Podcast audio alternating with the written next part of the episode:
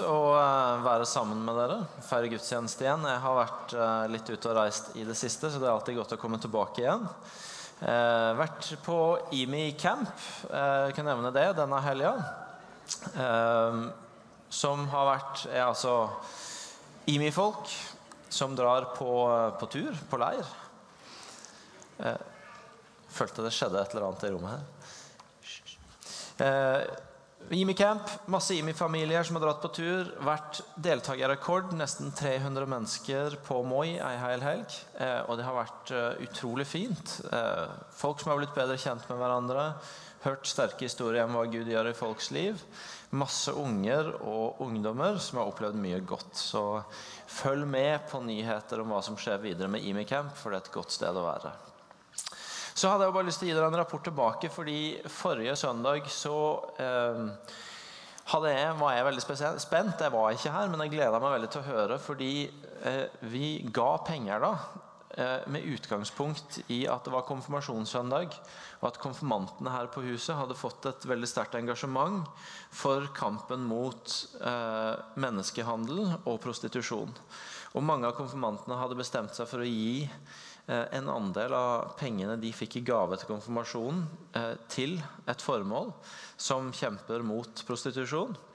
Eh, og vi utfordra folk som kom til gudstjeneste, både på konfirmasjonsgudstjenesten om formiddagen og på kvelden, til å, med utgangspunkt i den rausheten fra konfirmantene Jeg tenker det er ganske radikalt i eh, et land hvor veldig ofte så er mye av snakken rundt konfirmasjon det er hvor mye får du. Eh, at de bestemmer seg for å gi faktisk en god del av de 10% av det de fikk inn, ut igjen til noe som kan være med å forandre. Uh, og Derfor hadde jeg bare lyst til å rapportere tilbake at det motiverte også dere og andre som var her til å gi. Det kom inn 54 000 kroner til å kjempe mot prostitusjon, både her i byen og i Kambodsja. Og da er ikke pengene fra konfirmantene medregna, så når de kommer med, så tipper jeg vi bikker i hvert fall 60. Det syns jeg bare var kjempekult. Eh, takk skal dere ha.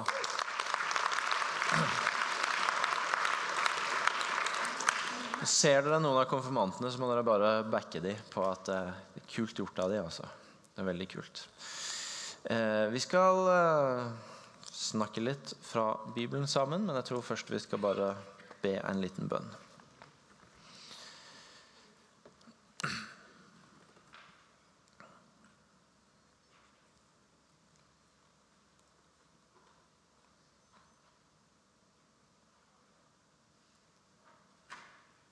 Jesus, vi takker deg for at uh, vi får være dine. Og vi takker deg for at vi får feire historien om, om hva som skjer når vi lever i din historie. Takker deg for historien vi har hørt fra Ronny. Takker deg for historien fra forrige søndag om raushet og om radikale konfirmanter. Takker deg for alle historier som sitter i dette rommet, som vi ikke har hørt nå, men som lever mellom oss. Om at du er god, om at du bærer oss gjennom utfordringer om at du lar oss se ditt rike gå fram. Jeg har lyst til å be deg om at uansett om vi sitter i dette rommet nå og er begeistra, eller har øya våre mest på utfordringer og fjell som livet vårt møter, at du med ditt ord skal tale til oss i kveld. Og gi oss tro og mot på at du er en levende Gud og en virkekraftig Gud som kan gjøre noe mellom oss. Eh, la ordet skape tro i kveld ber deg om det, Hellige Ånd. Amen. Så fantastisk å høre historien din, Ronny. Tusen takk for at du delte den. Den gjør noe med meg. Eh, jeg hadde lyst til å begynne også eh, talen i dag med at dere skulle få møte en annen historie som har gjort inntrykk på meg denne uka. Jeg har vært på tur eh, til Sheffield og en menighet vi er gode venner med der. Sammen med Martin og han Therese og Geir som sitter her, og Eirik. Og Vi har vært og delt noe av livet som skjer i denne kirka, til en god del menigheter som er samla der. Og så har vi fått møte mange flotte folk der. Jeg skal ikke gi dere noen reiserapport, eh, men under den turen så møtte jeg en fyr som gjorde et skikkelig inntrykk på meg. Eh, la merke til han nesten med en gang jeg kom inn i rommet første dagen. som en sånn det var et eller annet fint med han. han. Han, gikk rundt og tjente folk, serverte kaffe, rydda opp etter folk. Veldig sånn ydmyk, blid, vennlig type. Eh, som du kunne se at hadde levd litt. eh, og at det hadde skjedd litt med i livet. Og jeg tenkte egentlig bare ikke så mye mer over det enn det. At for en fin fyr han var, og så flott at han var her. Og så, siste dagen vi var der, så eh, snubla vi nærmest litt. Det var en som satte han opp, sånn at han fikk dele litt av historien sin med oss. Eh, og den var veldig mye mer enn bare en litt fin mann som gikk og tjente og serverte kaffe og rydda litt. Eh, den inneholdt også en historie om en gud som virkelig hadde grepet inn i livet hans. Så jeg hadde lyst til at dere også skulle få høre den. Jeg har tatt den opp på video. Eh, det er med, bare med telefonen min, så lyden er litt sånn Det skjer litt andre ting rundt, men jeg tror det skal bli bra nok lyd til at dere kan få det med dere. Så her skal dere få møte Nigel besøk i Sheffield i England. Fantastisk kirke her som heter Philadelphia, som eh, når ut til mennesker på mange forskjellige vis. Akkurat nå så står jeg her med en kar som heter Nigel, som har en sterk historie både om å sjøl komme til tro på Jesus og forlede andre til tro. Nigel, it's so good to meet you. I've been so encouraged to hear your story, and I wanted you to share it with my friends back home at my church in Norway. So, first, tell us a bit how you came to know Jesus. First of all, I did um, I did about eight to nine years in prison, and uh, God put me in prison to, to stop me and to make me think about my actions, what led me there. Uh, I was on drugs and drink and nicotine and self harm I did and committed terrible burglaries on people's homes. And uh, God got me in a place where I could no longer run. And uh, when He got my attention, uh, I gave my life to the Lord and I've never really looked back and my life has completely changed for the better. Uh, I've uh, in prison I've gone I, I, escaped from three prisons. I have um, stabbed myself with a fish tank through my stomach, uh, glass from the fish tank from, a, uh, from through my stomach. I've uh, committed um, horrendous mutilation on my body, scars on all my arms and that, my body. I've stabbed myself twice. Um, there, there, was just something what was stopping me from killing myself. You know, some some kind of force against it. I, I once stabbed myself and. Um, on the outside, and my mate rung me as I was being when I when I was stabbing myself, and he said, "What are you up to?" And I said, "Well, I'm just stabbing myself because I want to die." Because I've got mental health issues. And uh, he said, wait 10 minutes, I'll come over and pick you up. And he raced across the city and took me straight to the hospital uh, where a Christian, there was a Christian surgeon what patched me all up and uh, saved my life basically. And many times I've been in danger, I've been in fights, I've been uh, uh, in, in a riot once, I've um, experienced uh, uh, beatings. Uh, I've been whipped on my back. I've um, I've been through I've been through a lot really um, in my life. And then Jesus came in. And then Jesus came in, yeah. and when he did, I, I was just overwhelmed. You know, I felt loved. And at that time, I, I was up for hitting two officers with a jug in a prison. And uh, every day I used to pray, Lord, please get me off these charges. Because it meant, meant getting me having six, months, six years on top of a four year sentence, what I was already doing. And I said, if you can free me from this, I'll follow you all the days of my life. And what, what happened when the evidence come, it wasn't good enough. It was all mixed up. Uh, some evidence didn't get to court, and the officers were in the wrong because they shouldn't have opened my cell door at the, at the wrong time when it was on lockdown. So I got off the court case, and then I followed God for ever since. That's great. And now you're leading other people to follow Jesus. Tell us a little bit about what you experience. Oh, great. Yeah, I do healing on the streets here in Sheffield, and I do evangelising during the week uh, to people on buses or trams or trains, giving them literature, giving them Bible Bible tracts or any books or any Bibles I can, can give them. Uh, we go on streets on a Saturday, and I've led over 200 people to Lord. I've lost count how many people I've led to the Lord now. Uh, and it's all through God's testimony, uh, what He's done in my life, how He's changed me, how He's refined me, how I don't take drugs or alcohol or self harm or drink anymore.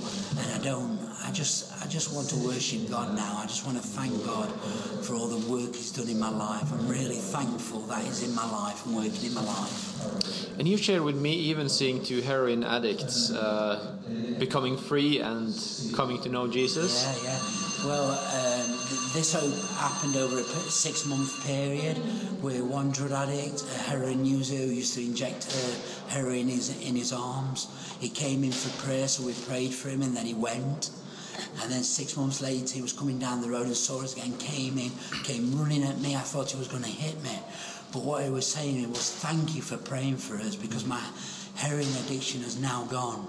Hmm. So that that brought joy and that brought brilliant. It was just brilliant. It was hmm. fantastic. You know, it was it was the best ever. You know, to see someone set free of heroin. You know. Fantastic. Well, thank you so much, Nigel, for sharing and bringing so much hope both to us and other people. Yeah, bless you. Thank you. Thank you.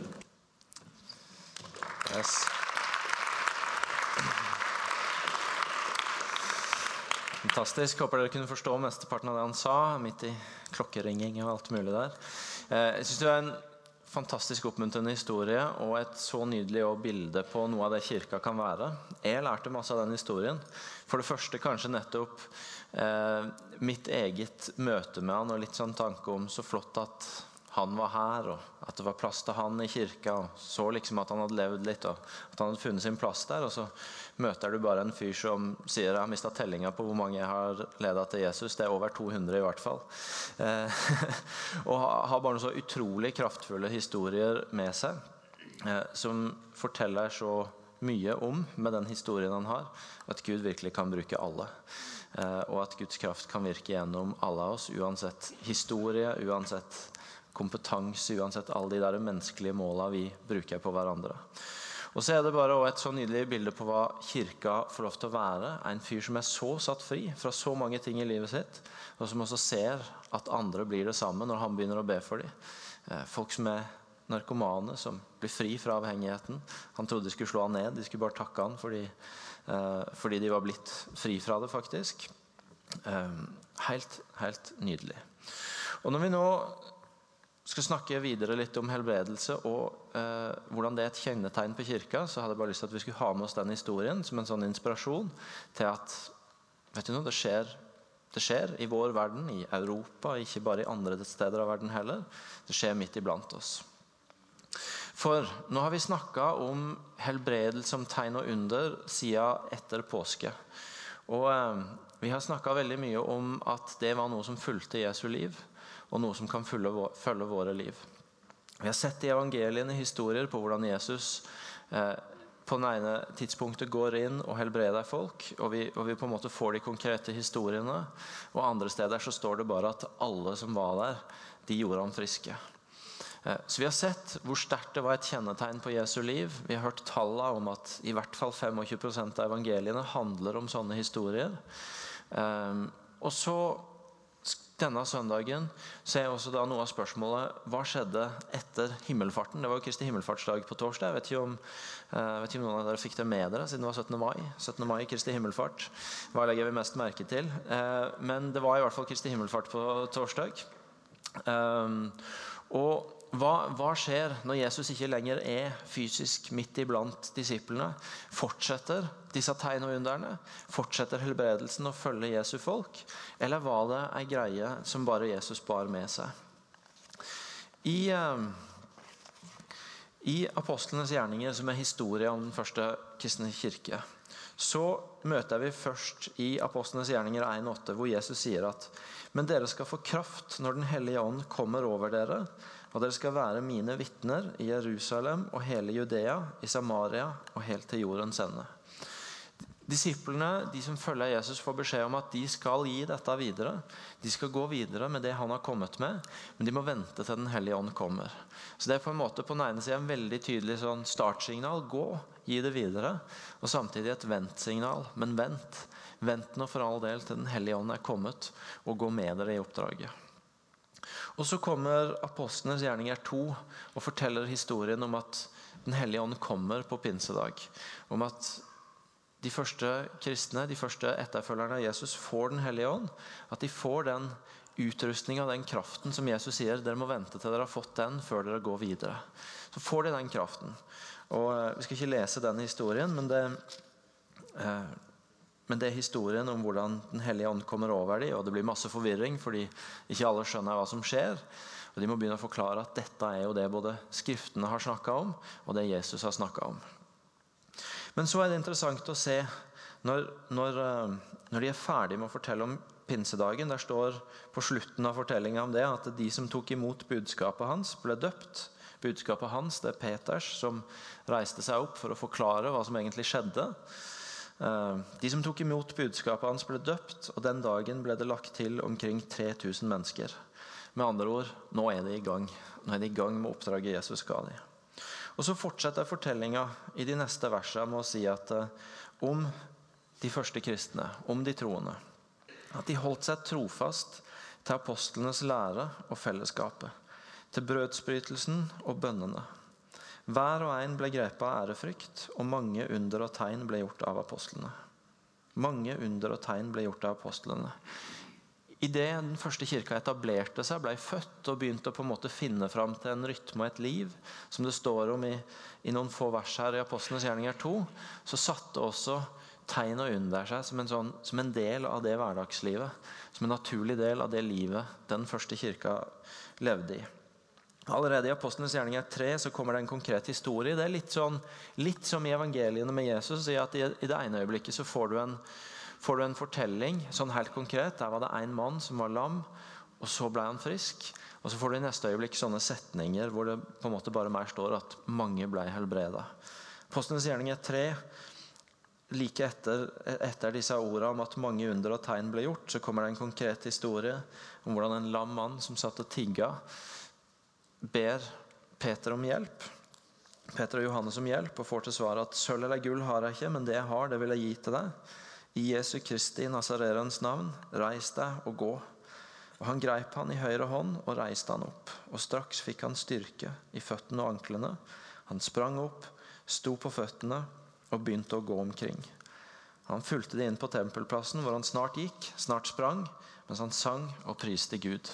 Fra å sitte lam ved tempelporten med et rop om hjelp, til å løpe litt og gå litt og lovprise Gud hele veien fordi han faktisk har blitt frisk. Apostlenes gjerning er fem. Fortsetter, ikke sant? Fortsatt i tidlige dager. Fortsatt er det Jerusalem som er stedet de er samla. Står fra vers 12.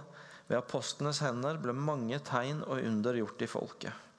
Ved apostlenes hender ble mange tegn og under gjort i folket.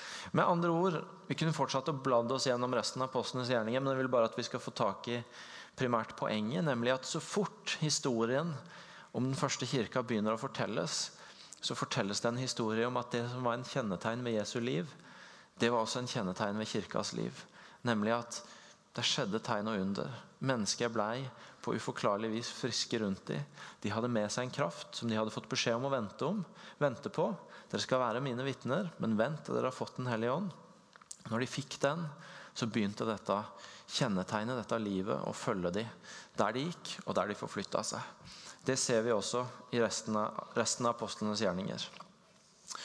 Og Så er det jo interessant da, etter hvert som, som kirka skrider fram, og apostlene drar på misjonsreiser, og nye menigheter blir planta rundt om, eh, så begynner, også, begynner de også å skrives brev. Ikke sant? Vi har en del brevlitteratur i denne boka her, eh, som veldig ofte handler om at noen som har vært med å plante menigheter, eller å bety noe for noen av de menighetene, veldig stor grad Paulus, skriver til menighetene for å si noe og instruere dem om livet i menigheten, om troslivet de skal leve. Forklare de ting de kanskje lurer på eller er usikre på. Eller som Paulus ser at vet du noe, her, her strever de helt med å, å, få tak i det livet som Gud har gitt dem. Og Da er det interessant å se at også når Paulus skal si til menighetene noe om livet de trenger å få tak i, og, og forteller de om det, så, så, er bare dette med tegn og under, med å be for syke, med helbredelsene, det er en sånn naturlig del også av det som skrives om der. Det er ikke så mye sånn at at i hvert brev så blir det satt av to kapitler til å undervise om helbredelse. Som, som er litt det vi har måttet gjøre nå. Sette av to måneder til å undervise om det. Fordi det har vært litt lett for kirka i vår tid å miste det helt. Men det er mer sånn at innimellom ting han sier, så, så fortell, prater han også helt naturlig om tegn og under som en del av det livet de har. F.eks. i Galaterne 3,5. Bare finne det her. Hvor han skriver at han som gir dere ånden og gjør under blant dere, gjør han det ved lovgjerninger eller ved at dere hører og tror. Ikke sant? Igjen, Paulus han bare naturlig snakker om det som at dette er noe som skjer iblant dem. Det er en del av livet i denne kirka. At han som gir dere ånden og gjør under blant dere. Ta med oss Romerne 11 også. Et annet sted hvor han skriver om dette.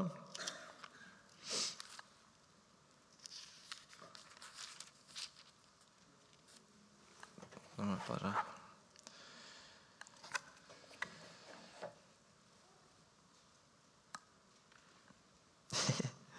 jeg har skrevet helt feil um, Helt feil vers, for der uh, står det Der jeg trodde jeg skulle lese nå, står det 'Men innbill deg ikke at du er bedre enn greinene'. Det var ikke det, var ikke det jeg var ute etter.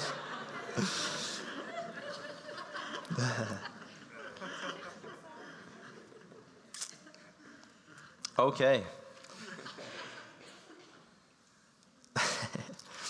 Vet du noe? Jeg tror dere har tatt poenget, så vi lar det verset ligge. Eh, vi kan jo si det sånn at Også et sted i romerbrevet så skriver Paulus om dette. Eh, poenget er dette var en naturlig del av livet til den kirka vi møter i Det nye testamentet. Det, det lå der eh, kanskje like mye som bare noe som fulgte de, som noe som stadig vekk måtte highlightes for at det skulle holdes fast i. Det var, det var selvsagt for dem. Det hadde fulgt Jesu liv, det fulgte deres liv. Og så er det interessant da, når Paulus, og nå vet jeg at jeg har fått det rett, i 1. Korinterbrev 12 skriver om nådegavene.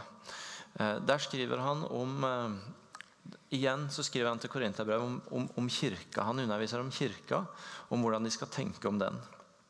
Eh, og Han skriver om åndens gaver. Han begynner kapittelet med å si at når det gjelder åndens gaver, søsken, så vil jeg at dere skal ha kunnskap om de. Og Så fortsetter han i vers 4 med å si at det er forskjellige nådegaver, men ånden er den samme. Det er forskjellige tjenester, men Herren er den samme. Det er forskjellige, kraftige virkninger, men Gud er den samme. Han som er virksom og gjør alt i alle. Hos hver enkelt gir Ånden seg til kjenne, slik at det tjener til det gode. For ved én og samme ånd blir det gitt én å tale visdom, en annen å formidle kunnskap. Én får ved den ene ånd en spesiell trosgave, en annen får nådegave til å helbrede, og én får kraft til å gjøre under. Én får gave til å tale profetisk, en annen å bedømme ånder, en får ulike slag av tungetale, og en annen kan tyde tungetale. Alt dette gjør den ene og samme ånd, som deler ut sine gaver til hver enkelt slik han vil. Så Paulus remser opp flere gaver Den hellige ånd gir, nådegaver, eh, som troende, de troende i fellesskapet får ha og får motta fra Ånden. Og Blant de så er altså gaven til å helbrede, til å se at mennesker blir friske. Og Så begynner Paulus i resten av kapittelet jeg skal ikke lese hele, men så begynner Paulus i resten av kapittelet å snakke om bildet av menigheten som en kropp. At kroppen er én, selv om den har mange lemmer, og alle lemmene utgjør én kropp. Enda de er mange, slik er det også med Kristus. Han begynner å omtale kirka med et bilde av en kropp, hvor det er mange forskjellige deler. Og det er når disse forskjellige delene, disse forskjellige gavene, får virke sammen, at kirka virkelig er det den er meint å være. Når alle disse delene, alle disse gavene får lov til å virke sammen, da ikke bare er kirka det den var tenkt å være, men da er den Kristi kropp. Med andre ord, Da ligner den på Jesus. Da framstår den som Jesus for menneskene som får møte den. Eh, kirka blir altså et bilde på kroppen til Jesus. Den representerer Jesus, er Jesus for menneskene rundt seg. Og det er den til sitt fulle når disse gavene får leve blant dem. Og En av de gavene er altså det å se at mennesker blir friske. Og Det bare sier oss noe om at det var ikke bare ei greie som fulgte Jesus, men det var ei greie som ei kirke som virkelig skal gi Jesus videre til vår tid og til menneskene rundt oss, har også det kjennetegnet ved seg at i nærheten av den så er det en mulighet for at mennesker blir friske, for at det skjer tegn og under, for at Gud virker på den måten også. Det er en del av det å virkelig være kirke. Å virkelig gi et sant bilde av Jesus. Det å se at mennesker som ikke har annet håp, og som, eh, som sliter med sykdom og smerte, at de får bli friske. Og Det er så viktig for oss å ta med oss. At det ikke bare er en sånn spennende ting som kanskje noen kirker kan ha, og så er det ok. Men det er, det er virkelig en del av det som kjennetegner ei sann kirke. At der blir mennesker helbreda. At der blir folk friske. Akkurat som det var en del av rytma av livet til den første kirka, så er det en del av kjennetegnet på ei kirke som virkelig representerer Jesus og Jesu liv. Og så har jeg lyst til å eh, fortelle dere en historie som jeg delte for et par uker siden på G11. Men som jeg vet, siden mange av dere ikke går der, så hadde jeg lyst til å bare fortelle den til dere òg, fordi den har lært meg noe viktig om dette her. Det er jo sånn at, som jeg sikkert har sagt til dere før, at eh, jeg er ikke vokst opp med veldig masse fokus på bønn for syke og masse helbredelser. Eh, jeg vokste opp i kjempegodt hjem og eh, veldig mye bra trosliv jeg har fått med meg, men det var liksom bare ikke på radaren. Verken så mye å be for syke, snakke om helbredelse eller høre historier om at det kunne skje.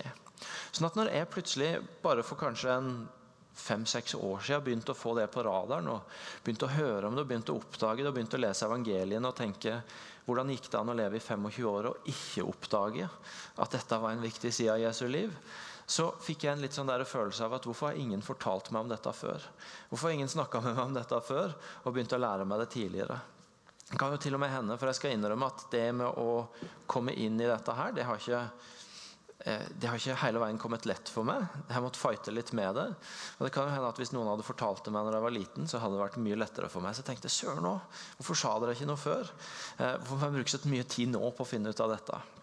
Så jeg dro hjem til mine foreldre, som ikke sant, er gode indremisjonsfolk. Har gitt meg den oppveksten og trosbagasjen og alt det der. Og pappa har vært predikant i Indremisjonen. Og, og måtte bare spørre dem ja, men hvorfor har dere ikke sagt noe. altså, Visste dere ikke om det, dere heller? Eller hva, eh, hva gikk det i? Uh, og, så, og trodde jo at jeg kom nærmest og fortalte de om noe nytt. Som de ikke hadde fått så veldig mye med seg, de heller. Og så oppdaga jeg jo at når vi begynte å snakke at dette var jo ikke nytt for dem. Dette hadde de jo erfart masse av i sitt liv. Eh, særlig når de var unge. Eh, de begynte å fortelle om at det var jo helt vanlig når predikantene reiste rundt om på bedehusene, at de hadde oljeflaska i veska si og ba for syke når noen trengte det. Og, eh, og det var jo helt vanlig at en, hvis den, noen var syke, at en tilkalte noen som en visste at ba for folk. og og, fikk forbønn. Og, og, de hadde hørt mange historier om at Gud hadde grepet inn.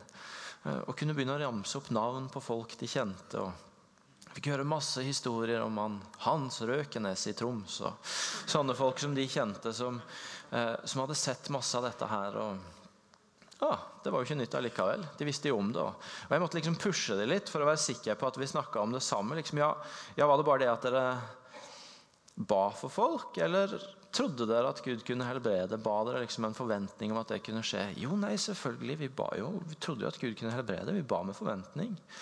Eh, og det var jo så Oi, det ligger der i arven min. Det ligger der i det livet foreldrene mine har båret med seg. Men jeg har bare ikke hørt noe om det, og jeg har ikke møtt det når jeg har vokst opp.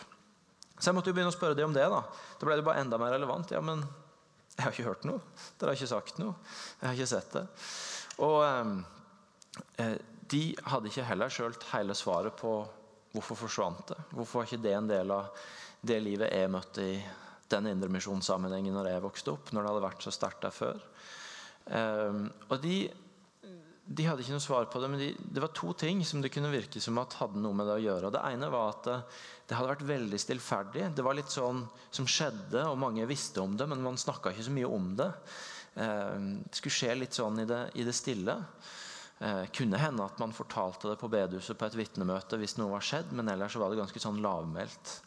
Og det andre var at det kunne virke som det var ganske mye fokusert rundt noen bestemte som eh, enten var predikanter, eller som man visste at de hadde en gave til dette. Og det var de som, det var de som holdt på med det, det var de man gikk til.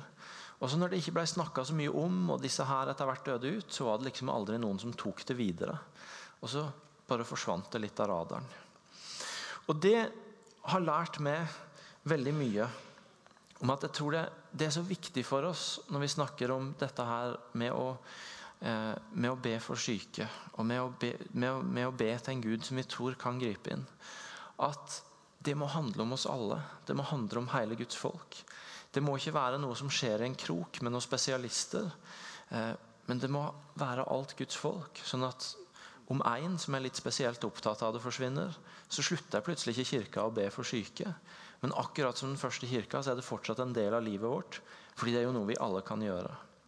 Og Hvis vi ser hvordan det funker i Bibelen, så er det sånn at på den ene sida så møter vi, sånn som i første kor 12 som vi leste nå, tenkninga om at noen har en bestemt gave. Og Det vil være noen som, som, har en spesiell tjeneste til å be for syke. Som ikke bare gjør det når noen på jobben eller i nabolaget eller i familien blir syke, eller de blir bedt om å reise seg på et møte på IMI for å gjøre det. Men som, som virkelig har en tjeneste i det. Det vil være noen som, eh, som bærer det med seg.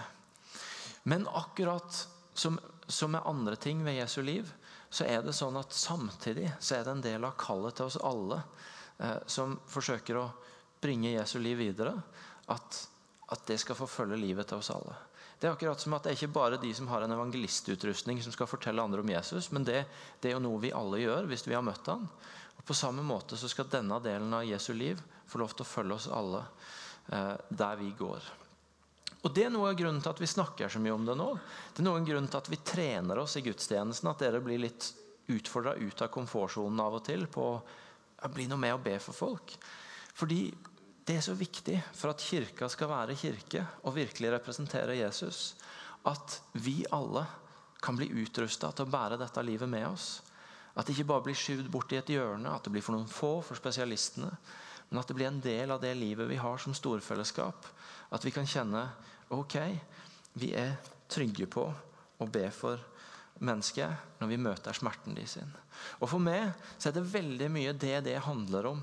Eh, dette med at det er så viktig at vi har dette på agendaen. Nemlig at når vi møter mennesker som er i vanskelige livssituasjoner, enten det er sykdom eller det er andre ting, så skal vi som kirke la oss berøre av det. Vi skal, Guds hjerte skal prege vår, vårt hjerte som kirke, sånn at vi ikke kan forholde oss likegyldig til det.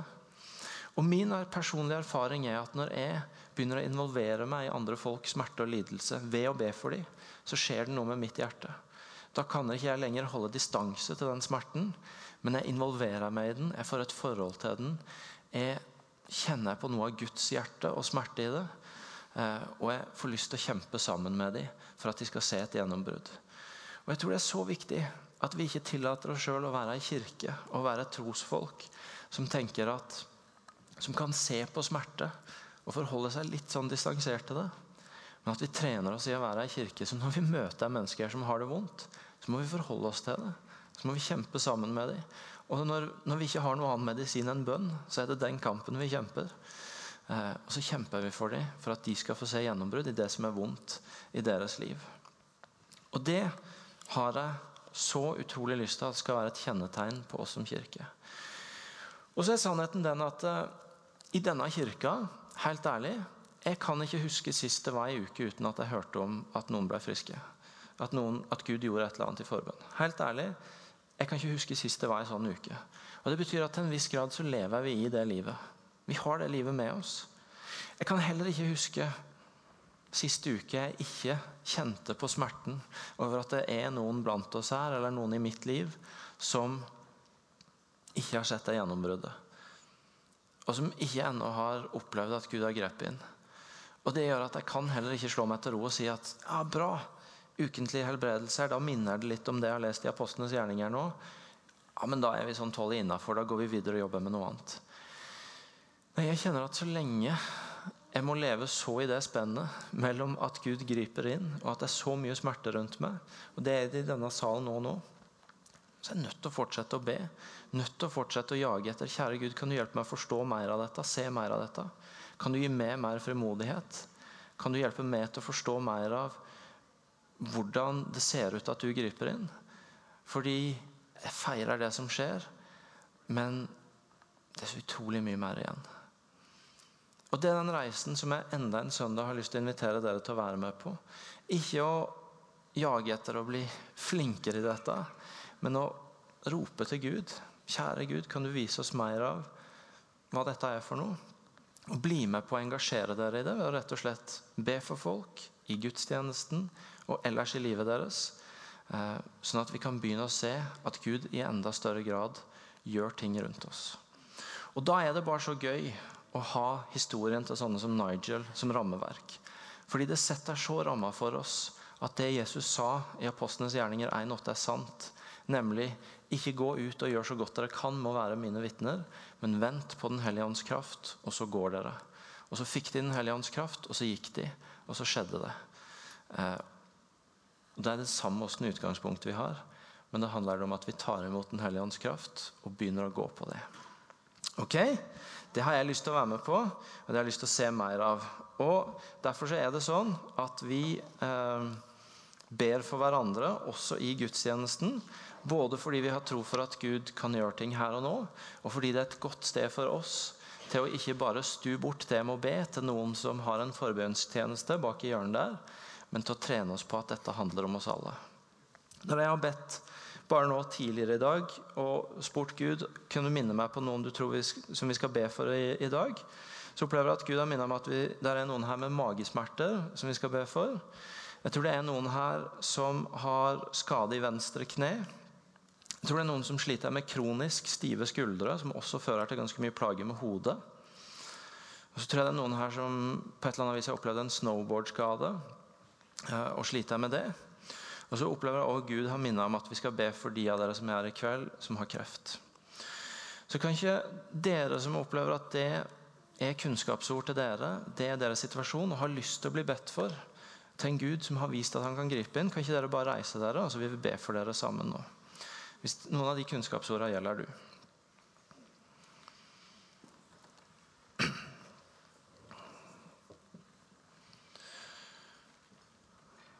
Flott. Og så gjør vi det altså sånn at dere som er rundt, og det er selvfølgelig frivillig Jeg har sagt at vi utfordrer hverandre på å trene. Det betyr ikke at du ikke skal føle deg helt ok med å være i dette rommet, og ikke gjøre det hvis du er helt ukomfortabel med det. Selvfølgelig, sitt og be der du sitter. Men jeg vil be dere som er rundt, om å reise dere opp og legge hendene på dem eh, og be for dem. Jeg ber en enkel bønn til innledning, og så fortsetter dere å be.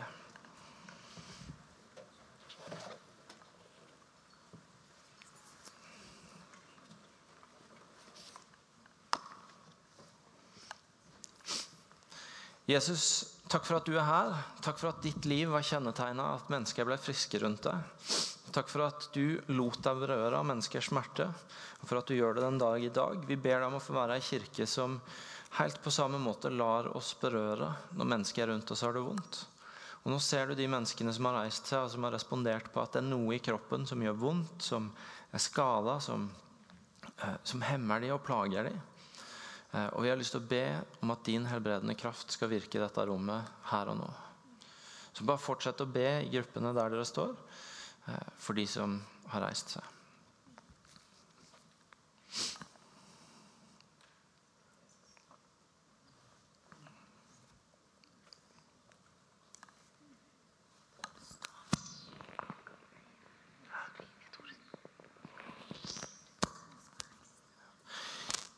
Tror det står noen bak galleriet som har reist seg, og som ikke er det noen som ber for. Så hvis det er noen av dere som kan tenke dere å gå og be for dem, så er det veldig bra.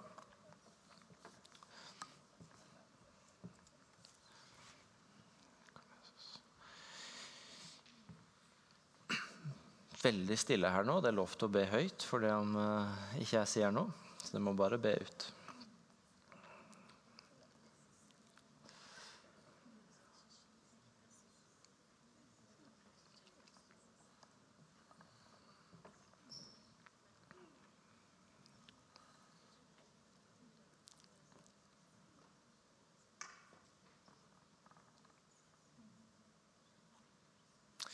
Så kan jeg godt bare spørre de dere ber for, om det er noe de kan, kan teste her og nå? Om, om, det er noen forskjell på? I så fall spørre om det har skjedd noe.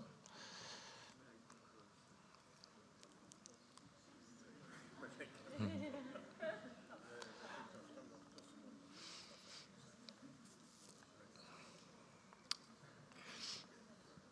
Er det noen steder det skjer noe? Får noen rapporter om at noe skjer?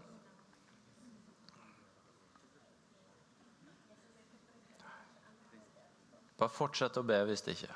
Be deg en gang til.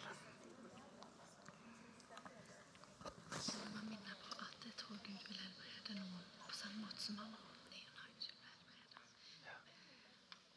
Ytre svar. Eller at de kan jo gå til far.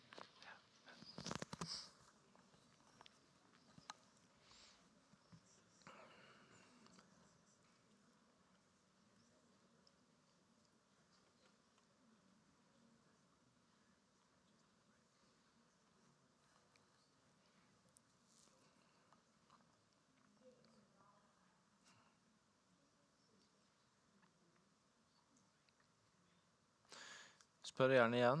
Merker dere at Gud griper inn? Er det noen steder det skjer noe?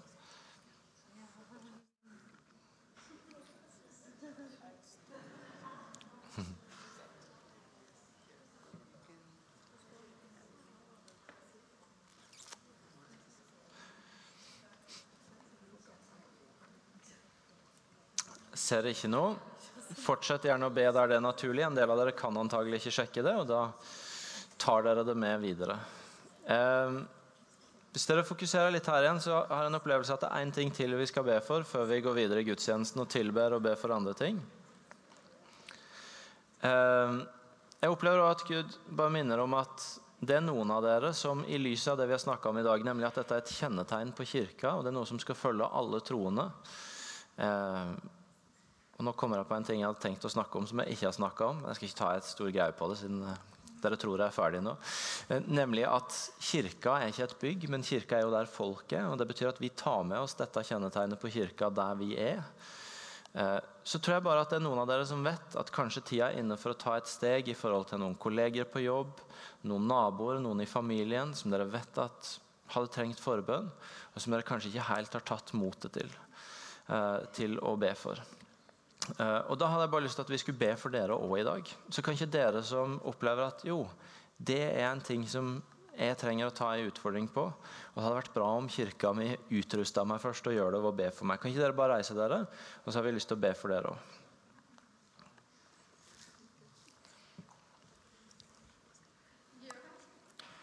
Kjempebra. Da ber jeg for dere bare. Kjære Jesus, takker deg for disse folka. Takker deg for at du er mer enn sterk nok til å virke gjennom dem.